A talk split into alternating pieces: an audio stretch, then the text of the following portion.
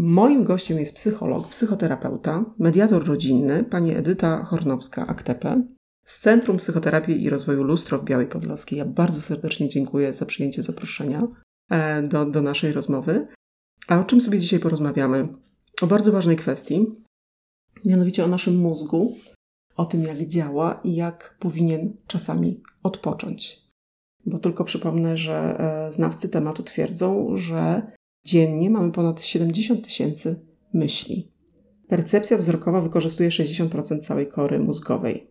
Dzisiejszy świat dostarcza nam ogromnej ilości bodźców, bo nie są to tylko czynności codzienne, nie są tylko to relacje z napotkanymi osobami, ale również wszystkie tak zwane przeszkadzacze, jakie mamy w pobliżu, takie jak telefon komórkowy, jak media społecznościowe, jak telewizja. Nie chcę tutaj nazwać oczywiście telewizji przeszkadzaczem, ale coś w tym jednak jest. Jak praca przy komputerze. Więc wszystkie, wszystkie te elementy sprawiają, że nasz mózg jest bombardowany różnorakimi informacjami. Ciągle dostarczamy mu nowych bodźców przeciążamy nasz system dowodzenia. W dzisiejszych czasach żyjemy troszeczkę inaczej niż nasi rodzice i nasi dziadkowie.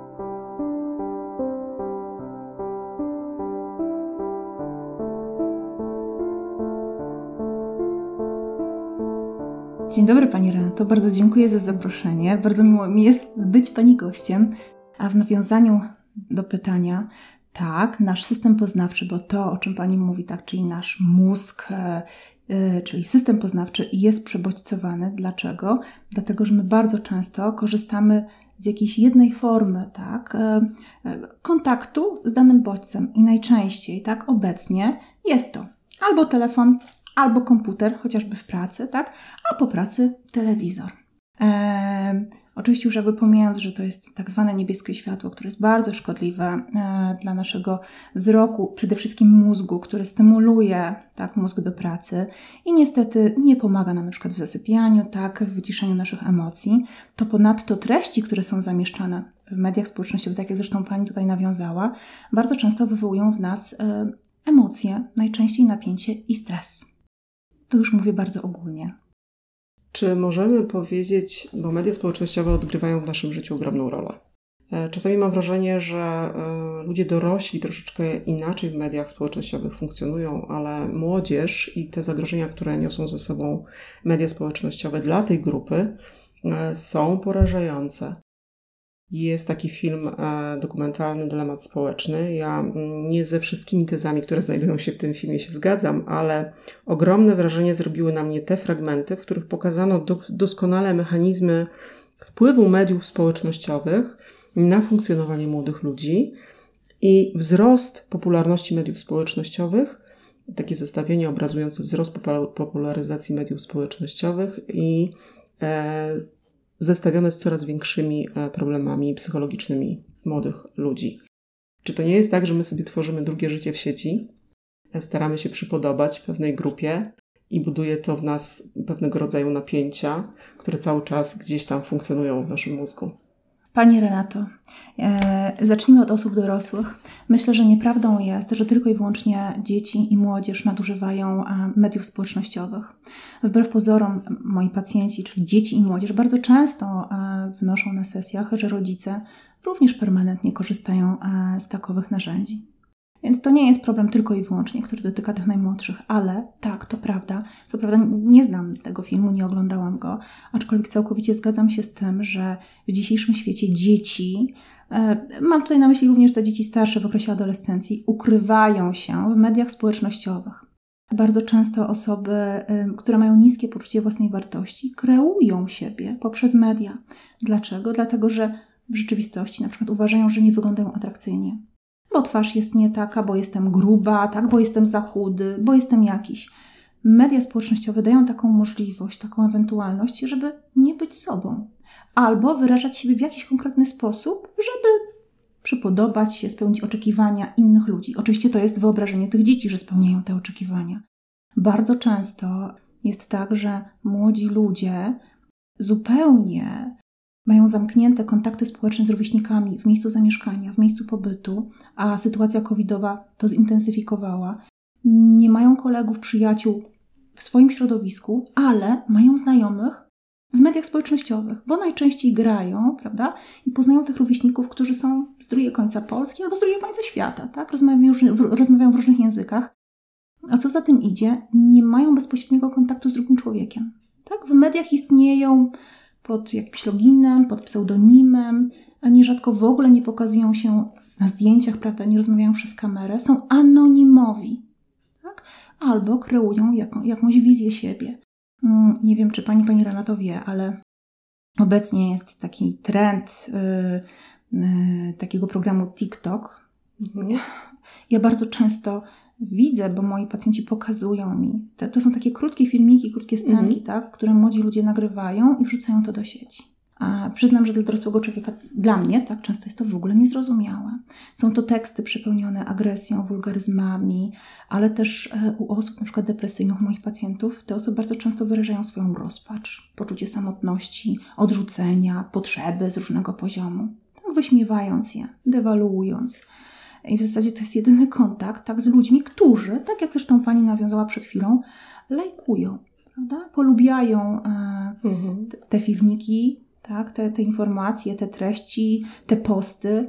I oni tym żyją, tym się karmią. I proszę mi uwierzyć, godzinami ci młodzi ludzie, tak, są w tych mediach, czy spędzają czas w tych mediach społecznościowych, żeby pokazać, żeby być jakimś i generalnie istnieją poprzez kontakt z tymi no, wyimagino- może nie wyimaginowanymi, ale y, osobami, które no, istnieją gdzieś w sieci, tak, ale nie w kontakcie bezpośrednim. Mhm. Bo najczęściej to, to są osoby, których one nie znają bezpośrednio, prawda? Ale gdzieś tam podążają, lajkując poszczególne strony. Mhm. Też u młodszych dzieci jest taka tendencja do uciekania w telefony, tak, tudzież w tablety, i ci, te, te dzieci, tak, ci młodzi ludzie oglądają bardzo dużo różnego rodzaju bajek, ale też treści, które przepełnione są agresją, gdzie słownictwo jest zupełnie niedostosowane. Treści, tak, które przekazują przemoc, agresję, e, a nawet no, taki kontekst seksualny tym najmłodszym dzieciom. Tak, czyli te, te bajki tak, te też są przesycone wszystkim tym, czego byśmy na pewno nie chcieli przekazać najmłodszym. I bywa tak, że cztero-pięciolatki mówią słowami, tak, wyrażają swoje emocje, niezadowolenie, albo w drugą stronę, zadowolenie w taki sposób, którego chyba wolałabym tutaj nie cytować, ale z całą mm. pewnością tak daje nam to bardzo dużo do zastanowienia czy refleksji, co my robimy, że te dzieci mają przestrzeń, mają czas, żeby tyle czasu spędzać w mediach społecznościowych, tudzież na telefonach, a nie zaspokajamy tych potrzeb kontaktu z drugim człowiekiem. I mhm. jakby zapętlając, prawda, my dorośli też nadużywamy. Nadużywamy mediów społecznościowych, ewidentnie nadużywamy też elektroniki w postaci komputera czy, czy To telefonu. nie jest tak, że my dorośli jednak mamy większą świadomość tego, że y, media społecznościowe działają w taki, a nie inny sposób, bo jednak dziecko no, nie ma tej świadomości, tak? nie ma tych doświadczeń dorosłego człowieka. Ja oczywiście zdaję sobie sprawę z tego, że nie wszyscy te doświadczenia mają, natomiast też obserwując y, swoich znajomych, ba, obserwując siebie również, mhm. wiem, że y, problem z tym, żeby ciągle być w sieci, tak, jak najbardziej mam ja prywatnie, tak? Mhm. Czyli cały czas w, w, sieci funkcjonuję, mm, cały czas jestem w kontakcie z ludźmi. E, przyłapuję się bardzo często na tym, że mm, piszę do, do, do innych, tak? Mhm. I e, no, potrzebuję tego kontaktu w sieci. E, mhm. ale mam świadomość tego, z czym to się wiąże. E, myślę, że to młodsze pokolenie chyba nie ma takiej jeszcze świadomości tych, tych wszystkich zagrożeń płynących z obecności w sieci ale o relacjach w sieci i o mediach społecznościowych mogłybyśmy rozmawiać godzinami. Jest to temat się. bardzo, bardzo szeroki. Wróćmy do pracy naszego mózgu, który jest właśnie stymulowany w ten sposób. To, o czym Pani powiedziała, że ciągle doświadczamy sobie bodźców, to jak w takim razie mm, sprawić, żeby ten mózg czasami mógł odpocząć? No dobrze, to wracając. Jesteśmy stymulowani, tak? Nie tylko oczywiście przez te media społecznościowe, przez komputery i wszystkie, wszelkiego rodzaju narzędzia, ale jesteśmy też stymulowani tak? Przez sytuacje, które są dla nas stresowe, które są trudne, dla nas dorosłych w pracy, tak, dla naszych dzieci w przedszkolach, szkołach mm, e, czy w różnych innych miejscach, w których się znajdujemy. I teraz ten stres z całą pewnością determinuje i wpływa na to, jak my funkcjonujemy ale źródłem jest to, jak my interpretujemy, czy jak nadajemy znaczenie danej sytuacji.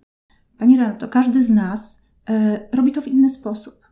E, gro zależy od tego, jak my postrzegamy siebie i świat. Jeśli mamy zdrowe poczucie własnej wartości, wówczas e, różnym sytuacjom nadajemy takie znaczenie, które, które nas chroni. To znaczy, potrafimy stawiać granice, bywamy asertywni, nie bierzemy różnych rzeczy do siebie, prawda? Nie, nie przelewamy emocji innych ludzi na siebie. Czyli generalnie analizujemy, wyciągamy wnioski, tak mamy refleksję i wtedy działamy. Ale bywają takie osoby, które mają niskie poczucie własnej wartości i pod wpływem tych czynników zewnętrznych, głównie stresogennych, przelewają to na swoją osobę, a to niestety wpływa na to, tak, że czują się bardzo obciążone, bardzo często mają trudność w tym, żeby radzić sobie ze stresem. Generalnie, tak, e, każdy z nas ma inne potrzeby. Tak inaczej sobie radzimy z napięciem, które generuje nasz dzień. I wyobrażam sobie, że każdy z nas inaczej rozładowuje napięcie. Bo Dokładnie. bywają takie osoby, które e, odpoczywają robiąc wielkie nic. Wbrew pozorom w dzisiejszym świecie robienie nic jest wielką sztuką. Zapewniam panią, tak? Ja osobiście sama mam trudność robić nic. Mam dokładnie okay. to samo. Tak. Ale y, leżenie, tak? Y, czyli odpoczynek dla naszego ciała. Nawet jeśli nie śpimy, bo sen jest najlepszym odpoczynkiem, tak? Ale jeśli nie śpimy, leżymy. Możemy przecież stosować szereg technik relaksacyjnych, które. Podobno zamknięcie oczu na 10 minut w zaciemnionym y, pomieszczeniu, a więc blokada tych wszystkich e, czynników zewnętrznych, na przykład światła, czyli mm. przebywanie w zaciemnionym pomieszczeniu przez 10 minut, zamknięcie oczu, już sprawia, że nasz mózg e, jest w stanie chociaż odrobinę odpocząć i funkcjonować inaczej, i jest w stanie się chociaż odrobinkę zregenerować. Nie mówię już o drzemce, która jest w ciągu dnia jak najbardziej, jak najbardziej e, zalecana. E, też znawcy tematu twierdzą, że nie może przekraczać 30 minut. Nie korzystam, żałuję, bo być może. Ja również. Bo być może okazałoby się, że, że funkcjonujemy lepiej, jesteśmy się w stanie szybciej zregenerować, ale też odpocząć. Mhm. No niestety chyba nie każdy ma taki komfort. Nie, ale w Japonii są specjalne pokoje w miejscach właśnie. pracy, w których to ci Japończycy mogą mieć drzemkę. No właśnie nie dłuższą niż 30 minut i ponoć to wpływa na efektywność wykonywanej pracy, na jakość tej pracy. No właśnie, co możemy jeszcze zrobić? Oczywiście e, przebywanie z ludźmi, którzy e, sprawiają, że czujemy się lepiej. E, zwykły uśmiech może bardzo dużo znaczyć. Pozytywne relacje z drugim człowiekiem, kontakt z przyrodą. Cóż jeszcze? Ja myślę sobie, że takim najistotniejszym czynnikiem są nasze potrzeby. Czyli to, żebyśmy umieli zdefiniować, jak my chcemy odpoczywać. Tak jak pani, pani Rano to wcześniej powiedziała, niektórzy odpoczywają w bezruchu, inni odpoczywają w ruchu. Okay? Jedni odpoczywają wśród ludzi, inni wolą odpoczywać bez ludzi. I to jest kluczowe. Natomiast sposobów na odpoczynek jest bardzo dużo. E, wyobrażam sobie, że najlepszym sposobem na odpoczynek jest diagnoza tego, co jest moją pasją, co jest moim hobby, coś, co mnie porywa, tak? coś, co mnie, co mnie nakręca. Nie zmienia to faktu, że odpowiadając na pytanie, tak, myślę sobie, że e, można odpoczywać biernie, prawda? Czyli można spać, można relaksować się przy muzyce, można czytać książki, można relaksować się robiąc różne rzeczy, na przykład w kuchni, piekąc, gotując, e, czyli można mieć takie aktywności tak, gdzieś w kręgu domowym i, to, i są osoby, które bardzo to lubią. Są e, tacy jak ja, którzy mm, biorą łopatę, szpadel, tak i idą do ogrodu i pracują fizycznie e, i przyznaję, że po pracy z ludźmi taki odpoczynek w ogrodzie dla mnie jest bardzo relaksujący, ale są też osoby, które bardzo lubią odpoczywać intensywnie czyli biegają, tak, uprawiają e, jogging, e, chodzą na siłownię, uprawiają różnego rodzaju sporty, tak, gimnastykę i tylko i wyłącznie po tym wysiłku fizycznym, tak, czują po prostu ulgę. Generalnie to nie jest tak bardzo istotne, w jaki sposób my odpoczywamy. Istotne jest to, że my rzeczywiście czujemy, tak, że odpoczywamy. Tak, ulgę, mhm. ulgę i takie poczucie, tak, regeneracji po takim wysiłku. A to jest sztuka. To jest na pewno sztuka. Sztuką jest odpoczynek i sztuką jest wypracowanie pewnych metod na to, żeby znaleźć czas na ten wypoczynek. Wydaje mi się, że E, w tym świecie zaganianym. Akurat tego nam najbardziej brakuje. A co z tematem takim. E, Jeśli tak, mogę nawiązać do tego, tak, tak. E, mówi Pani o bardzo ważnej kwestii. My w dzisiejszym świecie boimy się odpoczywać, dlatego mhm. że mamy bardzo dużo obowiązków. I nawet nie dlatego, że ich jest tak dużo, tylko dlatego, że my czujemy się w presji, że powinniśmy i musimy coś zrobić, bo chcemy jakoś wyglądać, bo chcemy być dobrymi matkami, dobrymi ojcami albo najlepszymi studentami. Tak? Generalnie ciągle gonimy za czymś. Ale mamy I takie wzorce też. Mamy, ale mhm. Y, chcę zauważyć, że kiedy odpoczywamy, to czujemy się winni.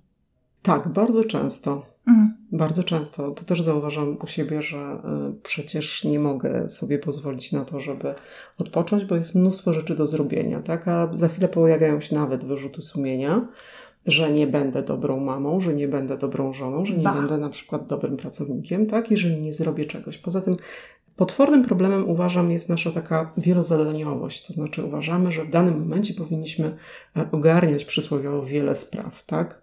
Żeby właśnie być idealną żoną, idealną matką, idealnym pracownikiem, bo takie mamy gdzieś tam wzorce, e, szczególnie my kobiety. Prawda. Mamy Matka Polka. Matka Polka to jest po prostu wzorzec postępowania. Nie można za bardzo się skarżyć, tak, że, że, że e, coś mi się nie udaje w życiu, dlatego źle że jest to, źle jest to odbierane, tak? No nie mhm. radzisz sobie po prostu, tak? tak? Nie ma takiej opcji, żeby sobie nie radzić. Musisz sobie poradzić. To gdzieś jest w nas głęboko zakorzenione. Czytałam gdzieś, że najlepszym sposobem jest po prostu postawienie sobie granicy czasowej, zrealizowanie jednego zadania, później zabieranie się za drugie e, zadanie. Oczywiście w niektórych sytuacjach jest to niemożliwe, ale też myślę, że powinniśmy dorosnąć do takiego stwierdzenia: nie muszę. Ale to jest bardzo trudne, bo tak jak sama pani powiedziała, nawet jeśli ja sobie powiem nie muszę, to inni mogą to oceniać mhm. własną miarą i będą nazywać: jesteś leniwy, jesteś niewydajny, robisz niewystarczająco dużo, przecież mógłbyś zrobić to czy tamto. I tutaj wracamy do tego, co mówiłam wcześniej, od poczucia, do poczucia własnej wartości. Jeśli ja wiem, jaki jest mój cel, czego ja chcę, na czym mi zależy, to wtedy tą swoją asertywnością, czyli granicami, jestem w stanie wyegzekwować to, że teraz ja mam pół godziny drzemki i nieważne, co kto o tym pomyśli. Tak jak w pracy, wykonuje Pani pracę, tak? Na przykład jakieś jedno działanie, bez znaczenia, co powiedzą na to koleżanki, tak, czy inni z otoczenia. Pani wie, że żeby to zrobić, potrzebuje Pani to zrobić właśnie w taki sposób. To jest gro, czyli nie oglądać się na innych. A jeszcze biegnę z pomocą, odpowiadając na wcześniejsze e, refleksje, tak, że nie ma ludzi idealnych, nie ma żon idealnych, nie ma mam idealnych, ani tatusiów. I możemy sobie to odpuścić. Możemy być najlepszą wersją siebie. To, to jest kluczowe. Chodzi też o to, żebyśmy mieli zgodę na to, jak reagujemy, jak funkcjonujemy, jakie decyzje podejmujemy. To stanowi o naszej dojrzałości. I tym optymistycznym akcentem kończymy naszą rozmowę. Dziękuję bardzo serdecznie. Pani Edyta Hornowska, która była moim gościem. Dziękuję Bardzo pięknie. serdecznie dziękuję.